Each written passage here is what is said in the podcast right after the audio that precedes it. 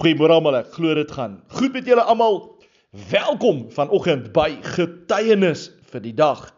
Eerstens vir almal wat vandag verjaar en julle huweliksherdenkinge vier wil ons sê baie baie geluk met julle verjaarsdae met julle huweliksherdenkinge. Mag die Here God julle nog jare spaar en jare seën en mag goedheid en guns julle volg al die dae van julle lewe en mag julle wandel in die huis van die Here tot in lengte van dae. Ja, kinders van die Here, soos ook mense wat vermoere diebaars nie dood afgestaan het, mense wat vermoere siek is, mense wat vermoere slegte nuus ontvang het, mense wat deur allerlei situasies en beproewinge werk. Vermoere wil ek vir jou bemoedig en vir jou sê, hou jou oë op die Here. Staan vas. Vertrou en glo en moenie afvallig word in en deur die woord van God en in die krag en in die hand van die Here God nie. Ek lees vir ons vanoggend Hebreërs 3 vanaf vers 7. Die opskrif is die gevaar van afval deur ongeloof. Luister daarom na wat die Heilige Gees sê. Vandag as jy sy stem hoor, moet jy nie hardkoppig wees nie. Soos julle voorvaders toe hulle in opstand gekom het en my in die woestyn op die proef gestel het nie. Daar het hulle my op die proef gestel en uitgetart. Hoewel hulle 40 jaar lank gesien het wat ek vir hulle gedoen het. Daarom het ek 'n afkeer van hulle geslag gekry en gesê met hulle hart is hulle gedurig op 'n dwaalspoor. Hulle wou my paai nie leer ken nie. Toe het ek in my toon 'n eed afgelê. In my rus sal hulle beslis nie ingaan nie. Broers, Julle moet toesien dat daar nooit by een van julle 'n verkeerde gesindheid van ongeloof ontstaan en hy van die lewende God afvallig word nie. Maar solank daar nog 'n vandag is, moet julle mekaar elke dag aanspoor sodat niemand van julle deur die misleiding van die sonde verhard word nie. Ons bou deel aan Christus as ons end uit volhard in die vertroue waarmee ons begin het. Daarom word daar gesê: "Vandag as julle sy stem hoor, moet julle nie hardkoppig wees nie, soos julle voorvaders toe hulle in opstand gekom het nie." Kinders van die Here God.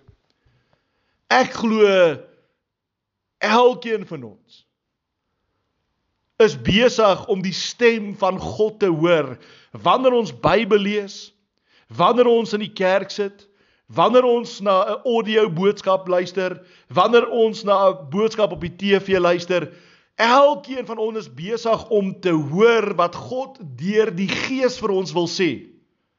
Maar die vraag is, is ons besig om volgens daardie geloof te leef wat die Here God wil hê ons moet leef? Ek lees van ons vers 19. Wie was dit dan wat gehoor het en tog in opstand gekom het. Was dit nie hulle almal wat onder leiding van Moses uit Egipte getrek het nie? En wie het God 40 jaar lank 'n afkeer gehad?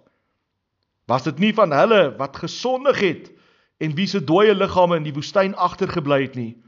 Oor wie anders as die wat ongehoorsaam was, het hy 'n eed afgelê dat hulle nie in sy rus sou ingaan nie. Ons sien dus dat hulle as gevolg van hulle ongeloof nie in sy rus kon ingaan nie. Kinders van die Here God. Elke keer wanneer ons na 'n boodskap luister, dan hoor ons God kan verlos. Ons hoor God kan vernuwe. Ons hoor God kan vergewe. Ons hoor God spreek ons vry. Ons hoor God kan genees. Ons hoor God kan voorsien. Ons hoor God kan beskerm. Kinders van die Here, ons hoor God kan 'n nuwe lewe gee. Die vraag is, is ek en jy besig om God te vertrou? Daar's soveel mense wat deur allerlei situasies en beproewinge vermoere werk. Mense wat diebaars die dood afgestaan het. Mense wat siek is, mense wat deur situasies vermoere gaan. Mense wat slegte nuus gekry het.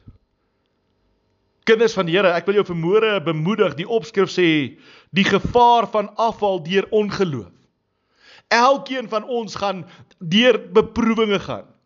Elkeen van ons gaan deur omstandighede gaan en baie keer dink ons omdat ons nou weergebore kinders van Here God is, moet alles nou net smooth verloop. Maar dit is nie hoe dit werk nie. As ons kyk na die lewe van Paulus, as ons kyk na die lewe van Petrus, hoeveel keer in die tronk was. As ons kyk na Dawid. As ons kyk na Stefanus wat doodgegooi was. Kinders van die Here God, wil die Here vermoere vir my en vir jou sê, dis tyd om vas te staan. Dis tyd om jou vertroue in hom te sit. Want die woord van God het nou net vir ons gesê deur die ongeloof van die Israeliete het hulle liggame die hele woestyn vol gelê en nie die beloofde land ingegaan nie. Nou kinders van die Here God, God kan net vir my en jou 'n God wees as ek en jy ons vertroue in die Here God gaan sit. Hierdie Israeliete was deur hulle ongeloof ongehoorsaam aan God en kon hulle nie verkry dit wat God vir hulle wil doen nie. Nou die Here God kan nie vermoere vir my en jou God wees as ek en jy nie sy woord gaan vertrou nie. Die Here wil vermoere vir my en vir jou sê ek het my seun Jesus vir julle gestuur. Jesus het my hart met julle kom deel. Die hart van die Vader, die hart van 'n verlosser, die hart van 'n Immanuel wat met julle wil wees 24 ure 'n dag. Die hart van 'n herder wat julle wil lei die hart van 'n geneesheer wat liggaamlik kan genees, wat wat wat vleeslik kan genees, wat geestelik kan genees. Die hart van 'n uitroeper wat vermoere nog steeds deur sy woord en sy prediking uitroep. Die hart van 'n voorsiener.